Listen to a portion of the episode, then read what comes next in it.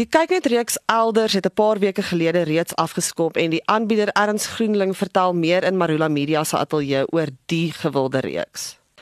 Erns, dis nou die eerste keer wat jy Frankryk toe reis vir die program. Wat kan kykers met hierdie seisoen verwag? So in hierdie nuwe en sesde seisoen van Elders Frankryk, uh, het ek in die kameraspan uh, van Bonanza Films het 'n baie wye draai deur Frankryk gery. Ons het begin in Marseille in die suide van Frankryk en al langs die Middellandse See. En as ek nou vinnig so deur die bestemmings kan gaan net om vir luisteraars ook 'n idee te gee van hoe wyd en wydlopend dit was, was ons in Marseille uh en ons was in Toulon, Nice, Cannes, Chamonix, Le Puy-en-Velay tot by Amont-Aubrac, Boussac, Parys, die Loire-Vallei, via Chartres, Orleans, Villandry tot by La, uh, Nantes en van Nantes was ons na La Rochelle toe, van La Rochelle was ons na Sarlat, La Canyera, na Bordeaux, na Lourdes en toe na Navarrenx en daar het ek gestap tot by St. John Pieterport. En dit was so min of meer uh naby aan 7000 km se se ry in die twee voertuie wat ons gehad het. En ehm um, so dit was ek sal ons het nie naaste by die hele Frankryk uh kon besoek nie natuurlik nie, maar ons het vir 5 weke lank geskiet.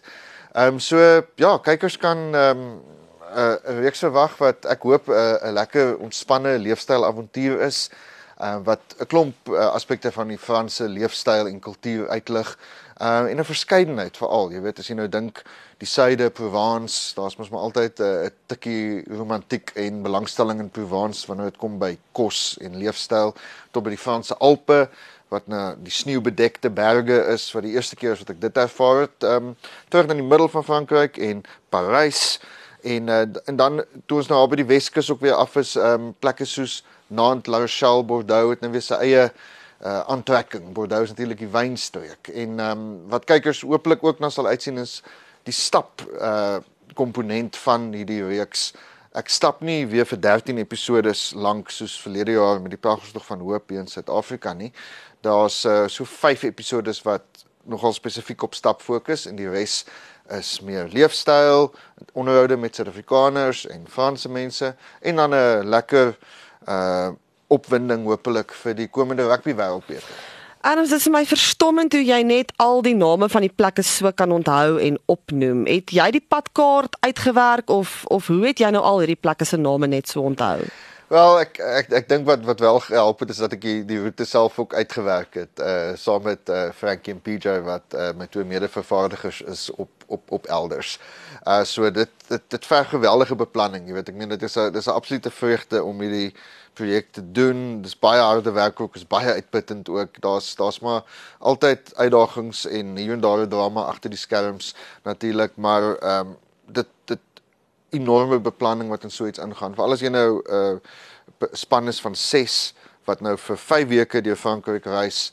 Jy, ons moet van ons moet alles van verblyf tot die afsprake, tot die spesifieke plekke wat ons besoek. Ons moet dit alles gereël het en saam met dit omdat jy nou in Frankryk is wat baie lief is vir die bureaukrasie. Jy weet, ehm um, Frankryk is 'n is 'n land is vir my ongelooflik dat hulle so goed funksioneer eintlik gegee al die papierwerk want hulle is heeltemal behep met papierwerk. So vir elke plekkie wat ons moes besoek het, moes ons moes ons omtrent aparte dokumentasie ingevul het en ons het 'n 'n fikser span gebruik uh, in Europa wat ons daarmee gehelp het uh, met iemand wat vlot is in Frans wat al hierdie aanvoerwerk vir ons gedoen het. Ons moes die persoon 'n astronomiese bedrag betaal het of die maatskappy. Maar dit het ons toe in staat gestel om oral te kan skiet sonder om bekommerd te wees oor enige probleme rondom toegang of so.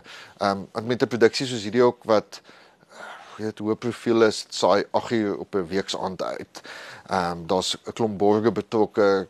Ons kan nie bekostig om om om om cowboys te wees en hoekeloos net uh weet as ek nou terugdink dalk al hoe ek al vorige uh reekse gewing het om dit nou so te stel is is moet ons dinge nou baie presies doen. Erns, jy het 'n redelike groot gedeelte van Frankryk besoek vir die program. So dit beteken dat jy nie die hele tyd gestap het nie. Jy het ook gery vir baie dele. Vertel net vir die lesers en die kykers daar buite hoekom ehm um, jy besluit het om om dit so aan te pak hierdie keer. Ja, kyk my my uitdaging was geweest dat as dit nou deurlopend met die klem op loop sou gewees het, dan het ek waarskynlik iewers begin in Frankryk en en nie verder as 250 km gevorder nie want dit is min of meer hoeveel jy kan uh, bereik as jy stap en vir film vir uh, daai tydperk. So ons wou graag 'n wye draai gereis het en by verskillende dorpe en stede uitgekom het, ook waar die Springbokke speel tydens die Wêreldbeker. So ek het dit toe net maar so uitgeplot uh, saam met my span dat um, om idee te gee in die, in die eerste episode gebeur daar 'n klomp goed. Ek ek woon in rugby wedstryd by van die Cheetahs, Vrystaat Cheetahs teen teen Toulon. Maar daar's ook 'n 'n deel in daai episode waar ek 'n bergpaadjie so kort roete stap uh, om net so 'n bietjie die stap element weer daar te kry. En in die tweede episode uh, is ons daar naby Nice, daar in die Côte d'Azur, die blou kus, die Franse Riviera om nou die waarheid te sê. Oef, dis duur daarso. Maar daar het ek 'n 'n baie uh pragtige pad gestap, uh staproete gestap met die naam is die Nietzsche Path. So dit is uh so vernoem omdat die groot filosoof uh, Friedrich Nietzsche uh later in sy lewe daar gebly het en gereeld daar gestap het en gedink het aan sy filosofie en sy boeke en alles wat hy geskryf het. So ek het daar saam met 'n Suid-Afrikaner wat in Nice woon, Jane Strahan, het ek daar gestap. So en en in Chamonix in die sneeu by die uh, Franse Alpe het ek so 'n stukkie hoog bo see spieël gestap in die sneeu. So dit was eintlik vir my ook lekker om 'n uh, ook 'n verskeidenheid stapervarings uh aan te bied. Maar dan die hoogtepunt daarvan bly maar vir my die Camino uh want dit was eintlik op 'n manier waar 'n klomp goed uh vir my ook begin het in my lewe en my loopbaan wat ook 'n klomp goed afgesluit in daai tyd. Maar dit is uh dit is dit was net fantasties om weer daai antieke pelgrimstog te kan stap um, met 'n kameraspan en ja, iets daarvan vas te vang.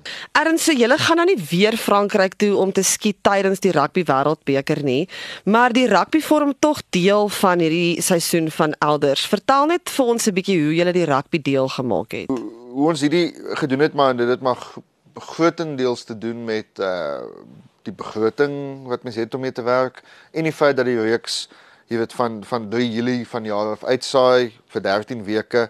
So die reeks maak basies klaar op televisie op die 25ste September en dan is die Wêreldbeker, dan die Wêreldbeker so net begin momentum kry. Dan het die Springbokke nou al so 2 tot 3 wedstryde gespeel.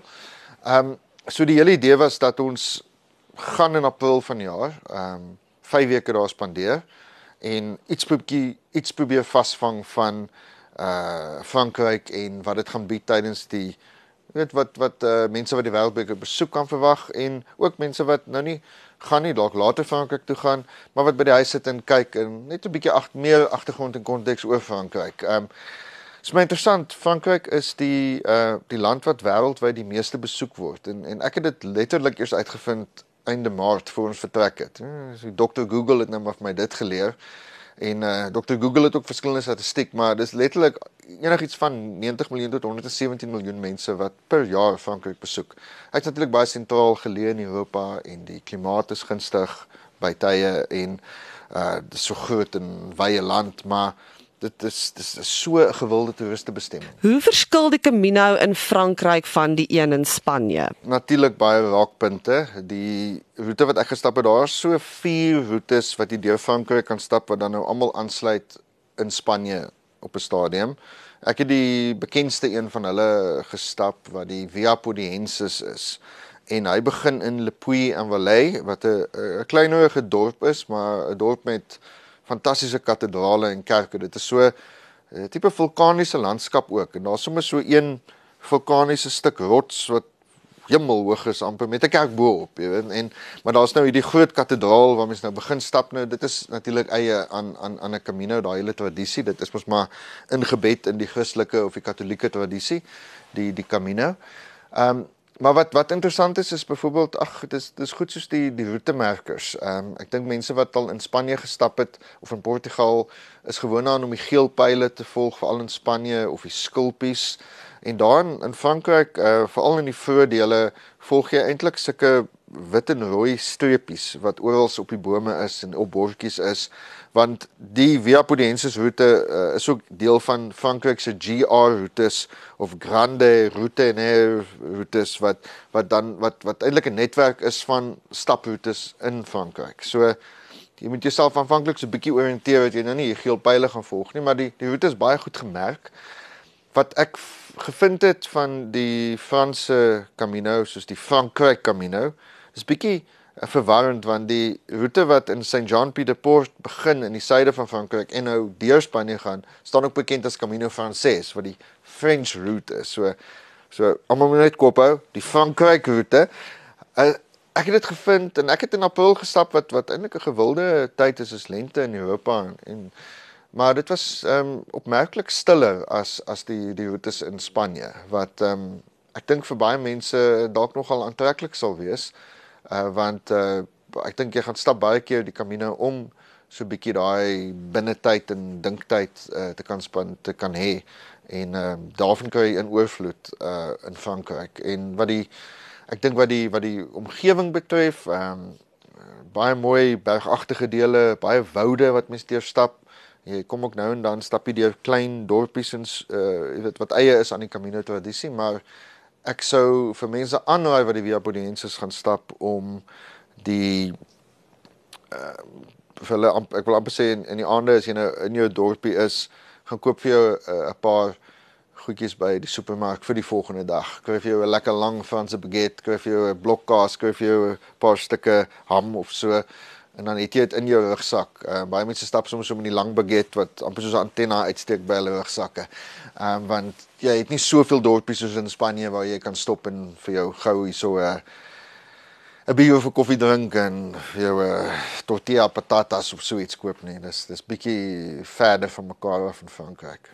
Wanneer kan mense na die program elders kyk? Op Maandag 3 Julie uh, begin dit 8:00 aand uit te saai op Kyknet en dit gaan dan vir 13 weke uitsaai. So van die 3de Julie tot die 25ste September. En die lekker ding dink ek van elders is elke episode is 'n 'n klein hoofstukkie by homself. So dit is nie dis natuurlik nou nie uh, iets soos 'n drama reeks wat jy nou gaan iets uitmis as jy 'n vorige episode gemis het nie.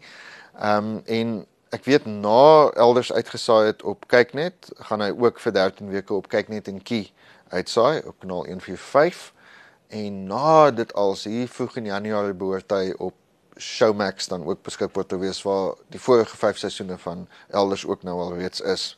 Maar ek sal mense tog maar aanraai om van Julie maand af te kyk. Ehm uh, dit help ons ook met die kykersgetalle en borge en al daai dinge want ek wil baie graag nog verskeie elders reeks in die toekoms doen.